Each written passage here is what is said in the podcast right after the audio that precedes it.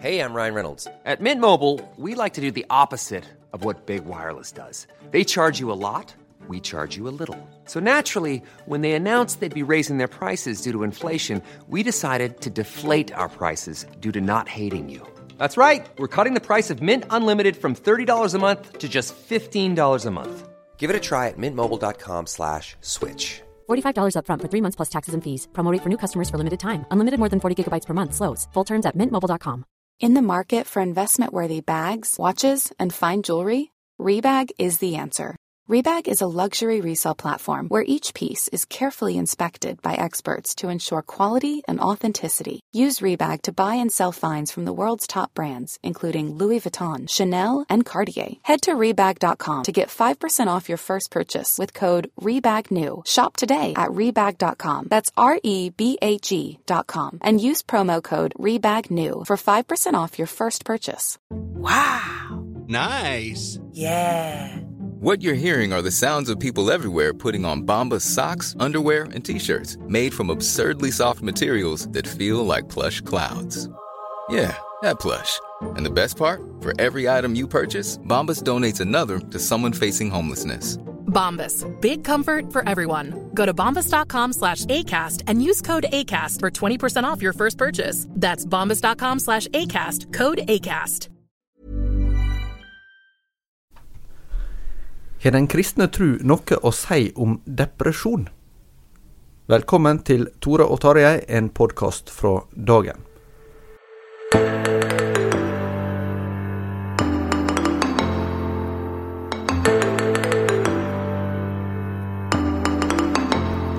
Ja, vi sier Tore og Tarjei, selv om eh, det i dag bare er jeg, Tore Hjalmar Sævik, som er her i studio. Men jeg har heldigvis fått besøk av en gjest, og det er du, Vidar Mæland Bakke. Ja. Eh, Du er prest i bymenigheten i Sandnes, som er den eneste såkalte valgmenigheten i Den norske kirke. Ja. Eh, Det vil si at det er en menighet som har en måte, en litt friere struktur, kanskje, enn en eh, de andre menighetene som er i eh, kirka. Litt annet preg. Men det er ikke egentlig menigheter vi eh, er her for å snakke om i dag, men at du er ute med en ny bok Ja. som heter 'Gi mine øyne lys'. Kan du fortelle litt om eh, hva slags bok dette er? ja, det er en bok som eh, handler om tro i, eh, i møte med psykisk helse, og da særlig det som vi kaller for depresjon.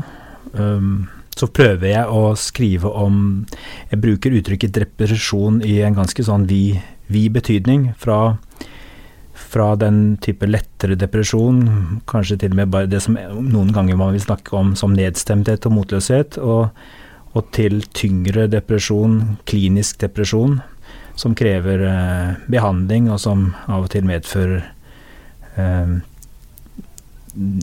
tung, tung, tung situasjon. Og så er det litt mine egne erfaringer med egentlig begge deler, som jeg tar med litt som bakteppe. Og så skriver jeg også som prest, som har forsøkt å komme til rette med en del sånne spørsmål i lys av uh, Bibelen og min uh, troserfaring og faglighet på et vis. da. Mm.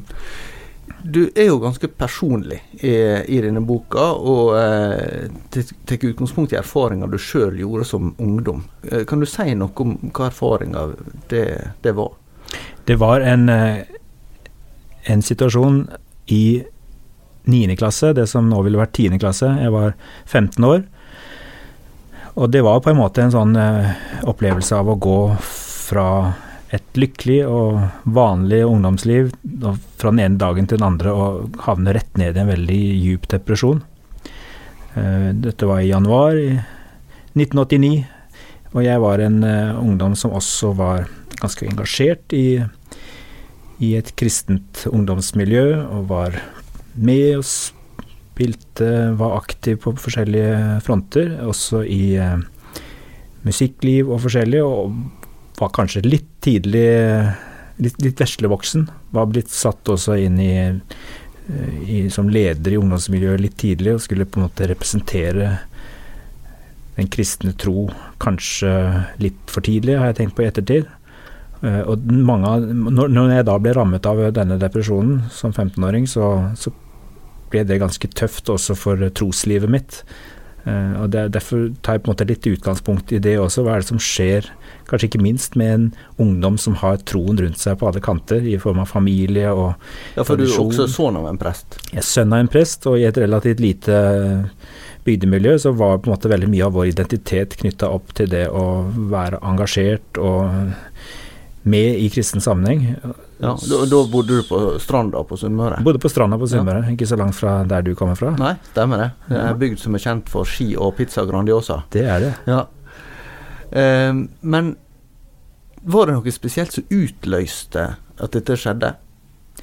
Eh, jeg har prøvd å grave litt i det, og det er noen ting jeg kan forklare og finne ut av, andre ting vet jeg ikke helt. Men, det, men um, jeg tror rett og slett at eh, jeg hadde det litt sånn som en del ungdommer har i dag òg, at eh, de, de, sliter seg ut på å ville for mye og prestere mye. På en måte så har jeg nok tenkt at dette begrepet prestasjon, eller generasjon prestasjon, som de kaller det nå, det, at jeg var på en måte litt der allerede i 1989, og gjenkjenner litt av den eh, tendensen som mange ungdommer har til at de skal klare veldig mye. Og være flinke og, være, og nå opp til en eller annen form for forventning som, som vi ikke helt vet hvor kommer fra. Så det, det var litt av det. Og så når jeg da ble sliten og ble og kanskje har en disposisjon for depresjon som har fulgt meg hele tiden, så, så, gikk jeg rett i dørken, og da kom det veldig mye for meg, veldig mye sånn eksistensielle grublerier, altså eksistensiell angst knytta til sånne spørsmål om uh, Finnes Gud? Hvorfor er det så mye ondt i verden? Sånne spørsmål som kanskje mange voksne av og til begynner å hanskes med. Eh, de fikk jeg som forfulgt også da. Og, og, og, det opptok på en måte hele toppetasjen i, i uh, hele døgnet. Sånn at jeg ble satt liksom helt ut av spill i forhold til skole og, og Ja, for det, dette var noe mer enn at det ble intellektuelle spørsmål. Det var helt sånn ja, eksistensielle helt inn på livet. Ja, og jeg kan ikke helt forklare hvorfor det ble sånn akkurat for meg, men det var liksom koblet veldig til, til uh, religiøs, religiøse tanker, uten at jeg var i et spesielt sånn vanskelig og krevende miljø der jeg ble bedt om å gjøre Altså, det, det, det, jeg har jo et veldig godt forhold til det miljøet, kristne miljøet også jeg vokste opp i. Men jeg tror kanskje det lå en del ekstra forventninger kanskje rundt det å være, være sønn av presten og samtidig gå såpass aktivt inn i, i ungdomsarbeidet som jeg gjorde, muligens. Mm.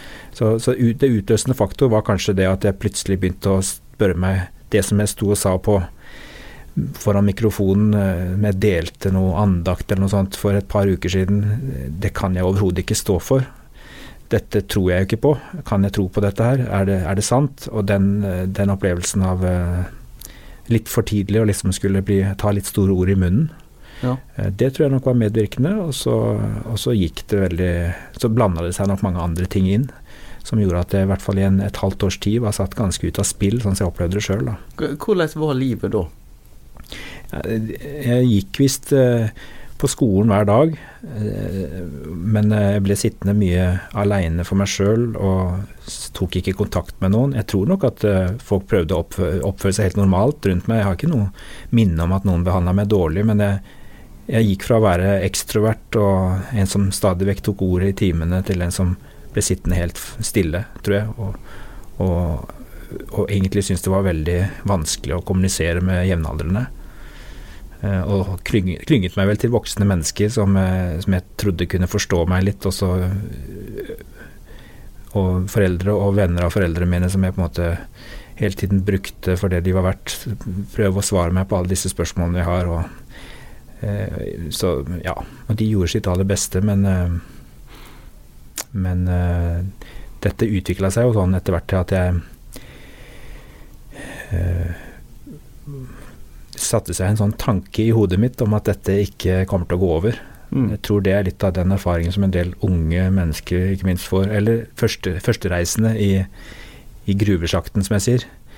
De tenker at dette kommer ikke til å gå over, selv om alle rundt sier at det pleier å bli bedre. Så den overbevisningen om at uh, livet kommer til å være sånn alltid, jeg kommer til å være ha sånn nedsatt funksjonsevne på alle områder, eh, sånn som jeg selv opplevde det. Jeg kommer ikke til å klare å vende tilbake til det gamle miljøet mitt og være en del av et aktivt ungdomsmiljø igjen. Alle de tingene gjorde at jeg eh, begynte å tenke at jeg måtte ta livet mitt. Og det var en veldig dramatisk tanke, og fylte meg med skam. Tenkte hva i all verden er dette Burde ikke jeg er det så ille med meg at jeg ikke orker å leve lenger? Det er jo mange andre som sikkert har det verre. Altså, og den skammen, den bare forsterket på en måte egentlig eh, opplevelsen av eh, meningsløshet, og at jeg ikke ville snakke med noen om det. Så, så kulminerte jo det i et, eh, et, slags forsøk, da. Som jeg ikke klarte å gjennomføre, heldigvis. Mm. Eh, men det er, har jeg valgt å være litt åpen om nå i ettertid. Det er lenge ja. siden. Uh, kom heldigvis godt igjennom det. Uh, og noe av det som jeg er opptatt av i boka, er jo kanskje å si noe om at også som kristne så trenger vi å alminneliggjøre disse tankene, selv om vi aldri skal alminneliggjøre handlingen. Mm. For ved å alminneliggjøre tankene, så er det lettere også å våge å utfordre hverandre, eh, spørre hverandre. Ikke gå rundt grøten, men våge å ta opp dette spørsmålet. Kan det være at du nå har det så tungt at du tenker også på det? Mm. Det sier jo også fag, eh, eh, fagfolk at eh, det vil i de fleste tilfeller oppleves som omsorg. Mm. Jeg tror nok at det var litt for lite eh, av det i min tid, at man stilte sånne spørsmål. Men jeg veldig Men jeg opplevde viktige ting etterpå. Hva var det som gjorde at det snudde? Det har jeg ikke noe god forklaring på. Hvorfor plutselig eh, ting går opp igjen. For noen så er det jo noe som varer fryktelig lenge. Noen får hjelp av eh, medisiner. Noen får hjelp av behandling og terapi. Eh, også lettere på et vis. Jeg tror det er egentlig litt vanskelig å, å gi noen sånn oppskrift på hva som gjør at det snur. Um, men for meg så var det nok sånn at uh, kroppen og signaliserte at ting var begynt å bli bedre. Øynene begynte å få litt lys i øynene, og omgivelsene begynte å forvente at jeg nå var på vei tilbake igjen. Mens eh, det egentlig var en litt skummel periode, for jeg trodde fortsatt ikke på at ting var, kom til å bli bedre. Så, så, ting var begynt å bli bedre, kanskje sånn ytre sett, eh, rett før jeg eh, hadde en dag der jeg på en måte tenkte nå må jeg bare gjennomføre det som jeg har gått og tenkt på lenge. Mm. For nå forventer de jo at jeg skal komme ut av dette. Nå forventer de at alt skal være bra igjen. Og jeg klarer ikke å se at det skal bli bra igjen. Jeg tror ikke det blir bedre. Så, der, eh, så, så, så skjer det likevel noe etter denne perioden, denne dagen, at da, jeg tror kanskje da mobiliseres på en måte litt alvor rundt både meg, og folk begynner å snakke med meg om dette her. Og da er det akkurat som om lufta går litt ut av ballongen. Da er den på en måte eh, saken litt parkert. Jeg, gjør ikke flere forsøk. Eh, og det var avgjørende også at eh, tror jeg at eh, f.eks. søstera mi utfordra meg veldig og sa at uh, Hun ringte meg, og en eldre søster som sa at du må Du vet det at hvis du ønsker å ta livet ditt, Vidar, så klarer du det. Men du må love meg at du ikke gjør det. Vi vil ikke klare å leve med det at du tar livet ditt. Og, og så sier jeg at jeg lover, selv om jeg kanskje ikke trodde det helt sjøl, at, at, jeg sa, det, sa sannheten. Men for meg tror jeg ettertid at det betydde noe å gi et sånt løfte. Og så begynte det å lysne på utsida og så på innsiden etter hvert. Og så kunne jeg heldigvis uh, gå løs på videregående og kjenne at det verste hadde lagt seg. At jeg, det gikk flere år før jeg fikk en ny, lettere depresjon.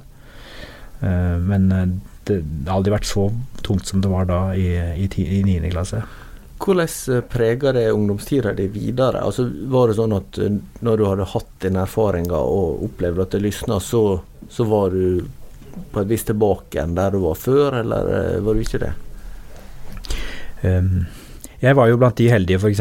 som uh, opplevde at uh, jeg kunne finne tilbake til en tro. da og at jeg kunne sy sammen noen av erfaringene og få det til å henge, bli kanskje meningsfylt faktisk å kalle meg en kristen. Og selv om det hadde vært vanskelig å se Gud de månedene, så var det ikke vanskelig å, å tolke erfaringen etterpå inn i, et, uh, inn i et gudsliv. Jeg kunne se at ja, men det er faktisk ikke sånn at det å tro handler om nødvendigvis å erfare og sanse Gud hele veien. Det, det er noe også Bibelens helter kan fortelle om.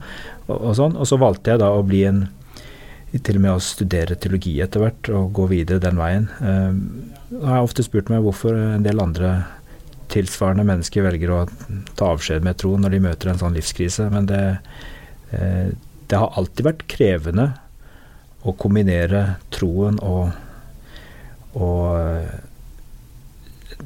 krevende perioder med psykisk helse. Altså det, er aldri, det er aldri enkelt. For, eh, for, den som er deprimert, vil ofte kjenne at Gud er helt borte. Det tror jeg er en, en veldig allmenn opplevelse hos mange. Mm. At Derfor så kan det noen ganger oppleves som troen er en del av problemet. Gud er en del av problemet, mens, mens mange andre kan si at uh, troen er en styrke i, i, psykiske vanskeligheter. Så jeg tror du finner begge, begge, deler. Det er forskning som viser at tro i høyeste grad er en, er en, en, er en styrke for mange i møte med psykisk helse, mens, mens, jeg beskriver også noe om at det også kan være en del av smerten.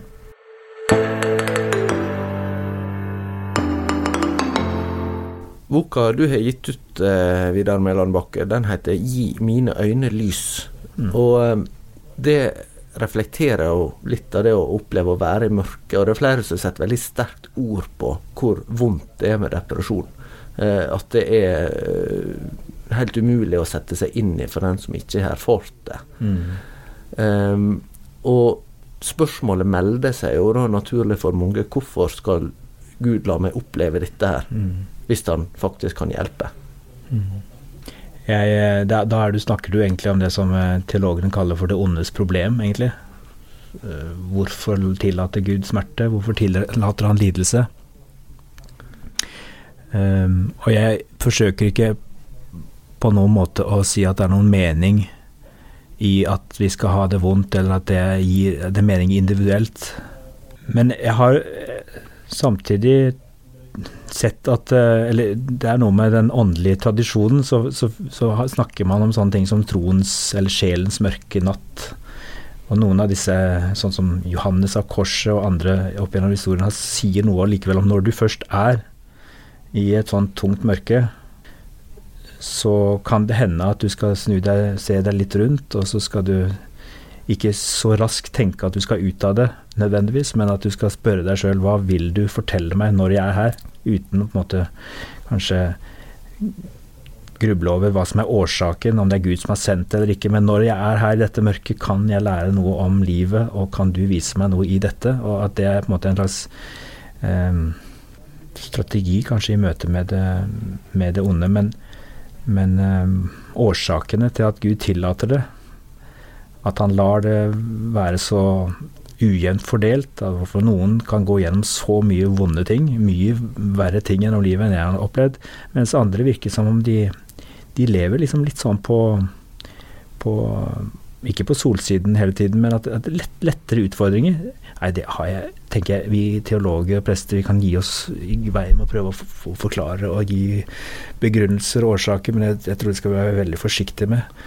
Men er det sånn at du, du Det har gjort noe med din teologi og din tru at du har de erfaringene? Jeg håper jo at det at uh, jeg har med meg noe av disse her uh, at Erfaringene av at livet kan være komplekst, at livet består av både mørke og lys, at det kan høres i um, forkynnelsen min. For jeg tror jo at det handler om å være sanne og ekte, snakke ærlig om livet. Tror jeg det er ganske stor etterspørsel etter at uh, alle vi som skal representere kristendom og forkynne og formidle, at vi øser av eh, på en måte et sant liv da, i det vi forteller om. Og Derfor så har det vært har jeg valgt i denne boka å dele noen egne erfaringer og være ganske personlig. Noen kanskje, kanskje kan tenke at det er, det er en uh, krevende ting å gjøre, men jeg, jeg har valgt å gjøre det, i hvert fall i boka. Kanskje ikke alltid skal gjøre det på talerstolen, for da kan ikke folk bestemme seg for å alltid å reise seg og gå ut. Folk skal på en måte få lov til å bestemme litt selv når de skal høre om såpass tøffe erfaringer som det, det jeg forteller om her. Men, men uh, ja, jeg håper at uh, at det kan ha formet meg som prest og teolog. Og så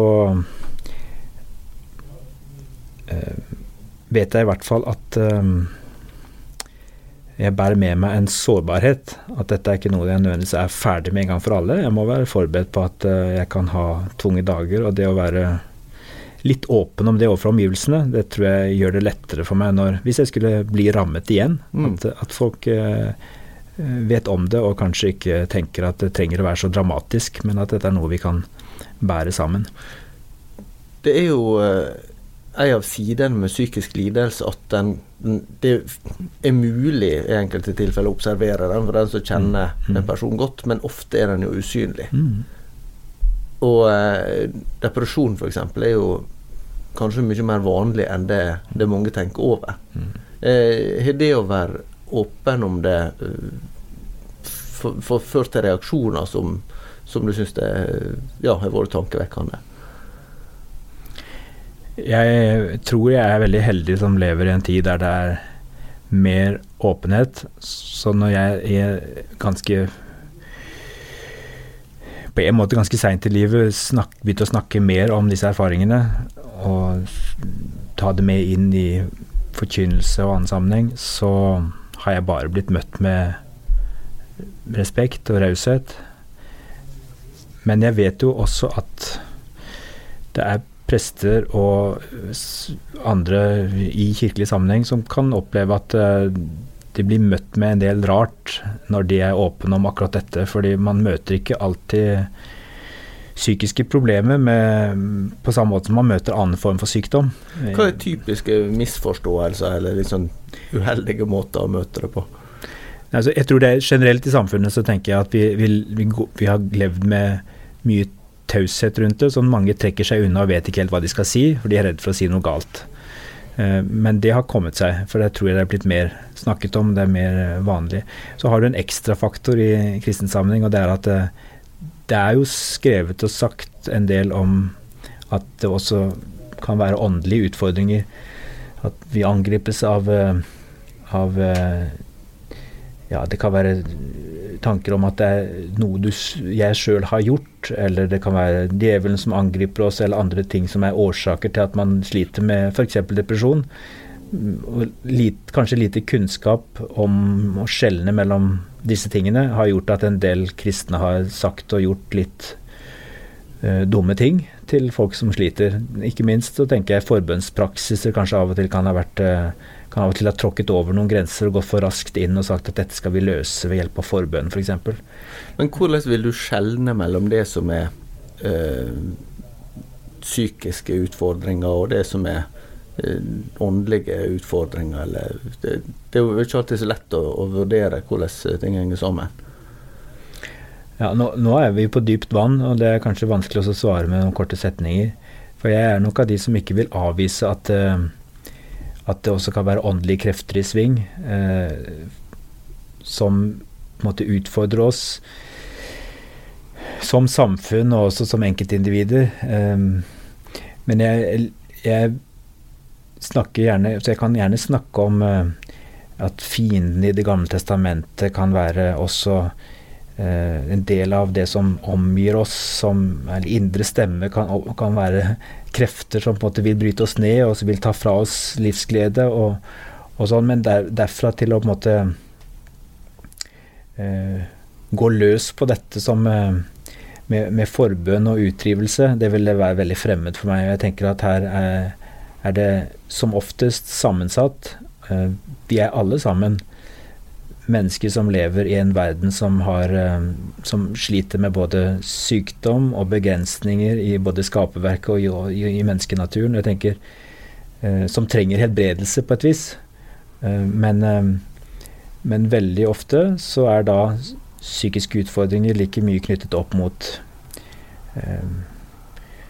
fysisk disposisjon, eh, andre sånne forhold som, som, er, som følger den personen, kombinert med de utfordringene som vi møter. Og jeg har bare erfart at eh, det beste er å tåle å være sammen med meg mens jeg er i mørket.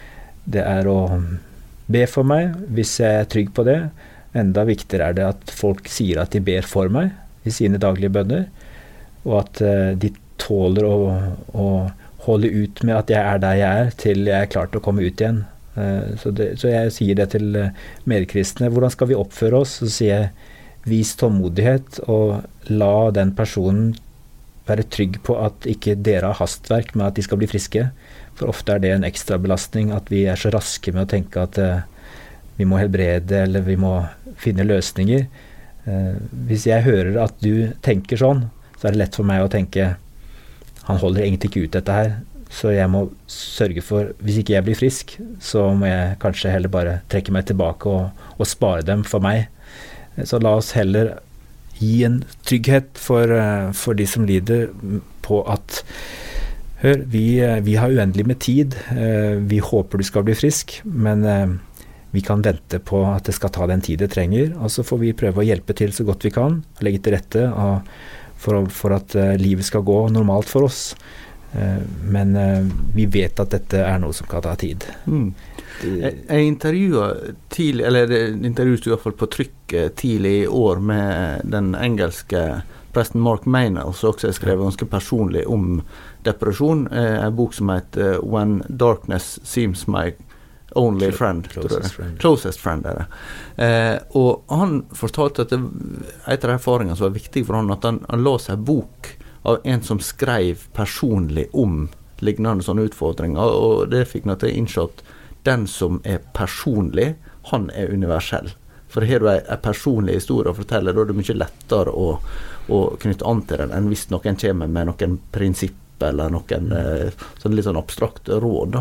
Mm. Eh, det å fortelle en personlig historie, det å dele livserfaring med andre, er det noe som har vært viktig for din del? Altså det at andre kan, kan, kan dele sine erfaringer med, med depresjon, f.eks. Jeg tror det er veldig viktig, og, så tenker jeg også at vi skal, vi skal være varsomme også her. Eh, det var Magnus Malm som skrev nå i sommer, i den boka som kom sist fra hans eh, hånd, der han skriver nå om hvor åpen skal vi prester være om vårt eget liv fra talerstolen, om vår egen sårbarhet. Og Da bruker han et begrep. Han sier eh, du skal ikke være åpen om dine sår, for da bruker du omgivelsene som behandlere og terapeuter. Og det kan være krevende, i hvert fall for meg som en profesjonell, å, være åpen på en sånn måte at folk rundt opplever at nå må vi ta oss av hans sår. Eh, men eh, dere kan være åpne om deres arr, for da kan andre mennesker identifisere seg med deres sårbarhet og oppleve at eh, de ikke er alene mm. med sin smerte at også en forkynner, en prest, en fagperson kan ha vært borti dette selv. Og Det er en hårfin eh, balansegang, men en forskjell i det. Og det handler litt om, kanskje om å ta, ta, den tid det trenger å prosessere de erfaringene man har gjort seg. Eh, for meg er det nå en stund siden sist jeg hadde en sånn tøff fase, og det var viktig for meg å ikke eh, publisere denne boka for tidlig. Mm. Og så vet jeg samtidig at jeg kan få vanskelige tider igjen, men jeg, jeg, må på en måte jobbe litt med det at hva er det jeg nå deler? Eh, spesielt hvis jeg gjør det som prest. Er det et sår, eller er det et arr? Og så tenker jeg generelt at vi som medmennesker skal kunne våge å også åpne opp om våre sår for andre mennesker, for det er vel da vi eh, kan komme hverandre til unnsetning. Og, og, da håper jeg også at vi kommer dit også i kristen sammenheng, der det ikke er noen forskjell på å dele fysisk smerte og psykisk smerte.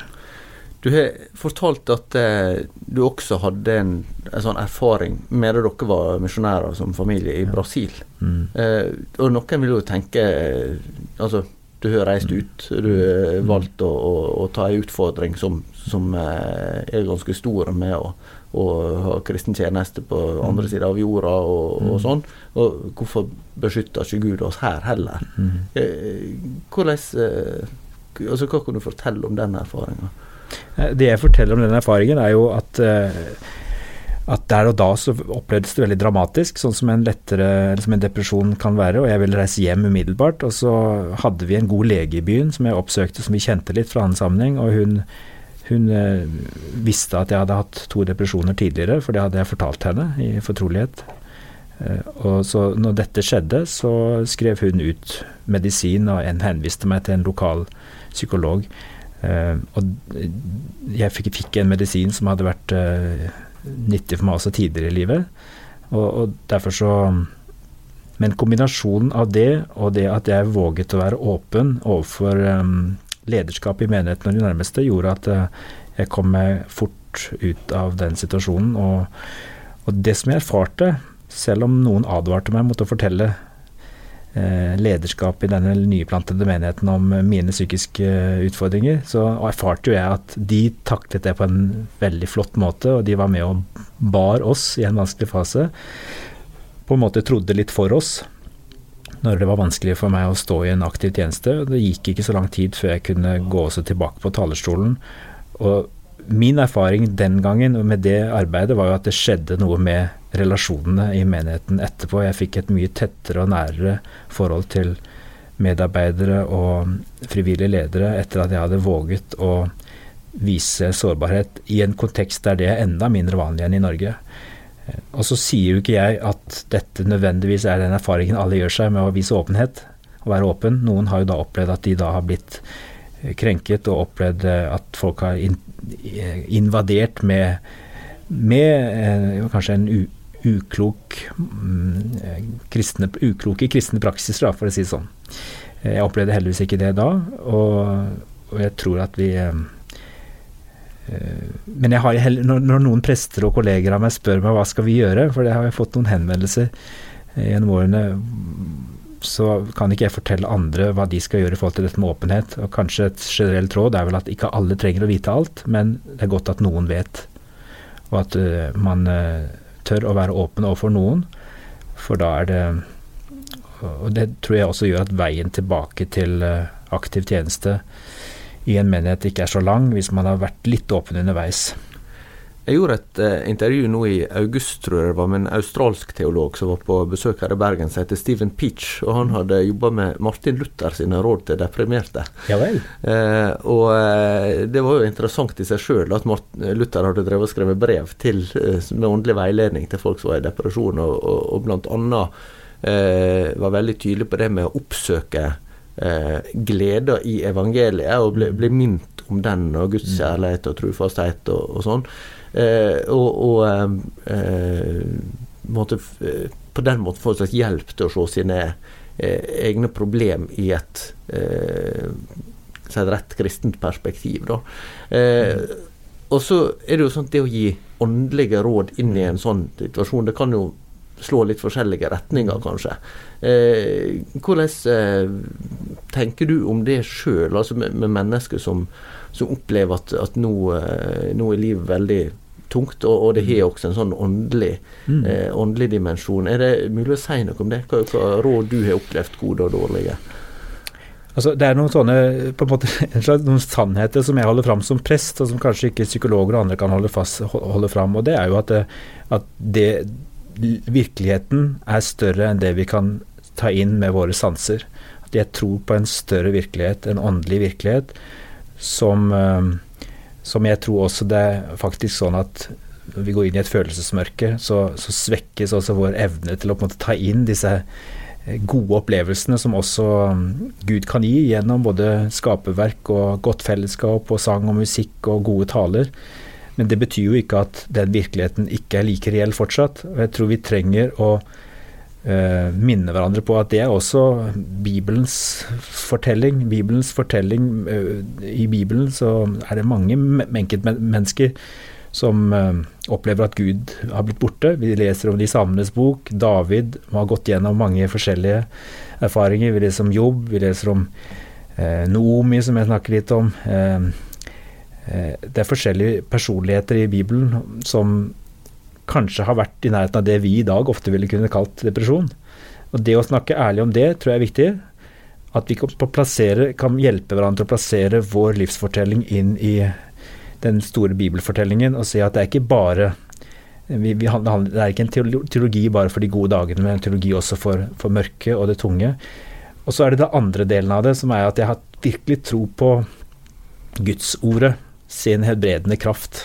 Eh, at det også er sånn at troen er for mange en stor hjelp gjennom tunge perioder. Samenes bok har eh, disse enkle, korte setningene som jeg tror eh, gjennom å lese dem høyt for seg selv, synge dem, så virker Gud og bringer på en måte nye perspektiver inn i, inn i det tunge. Eh, og Det er derfor jeg tenker at når Samenes, Samenes bok eh, snakker stadig vekk om eh, 'min sjel', taler til min sjel, Guds ord som på en måte ropes inn Vi blir bedt om å snakke til oss selv. Det, det har resonans i nyere mm, kognitiv terapi, som handler veldig ofte om at du trenger å flytte blikket, ta, ta et steg ut, utenfor deg selv, få et annet perspektiv, tale til deg selv, eh, få hjelp til å på en måte gi, gi deg beskjeder om eh, både at, eh, om, om, å takke for livet. Det, jeg syns det er veldig fascinerende hvordan gamle ord, 2500 år gamle ord, har visdom som i dag bekreftes av moderne forskning. Og kanskje er det sånn da at det er ingen, ingen som er en bedre psykolog og lege og terapeut enn en Gud selv, som har gitt oss Bibelen. Takk skal du ha, Vidar Mæland Bakke. Boka heter altså 'Gi mine øyne lys' og er kommet på Luther forlag. Vi høres igjen. Ha det godt.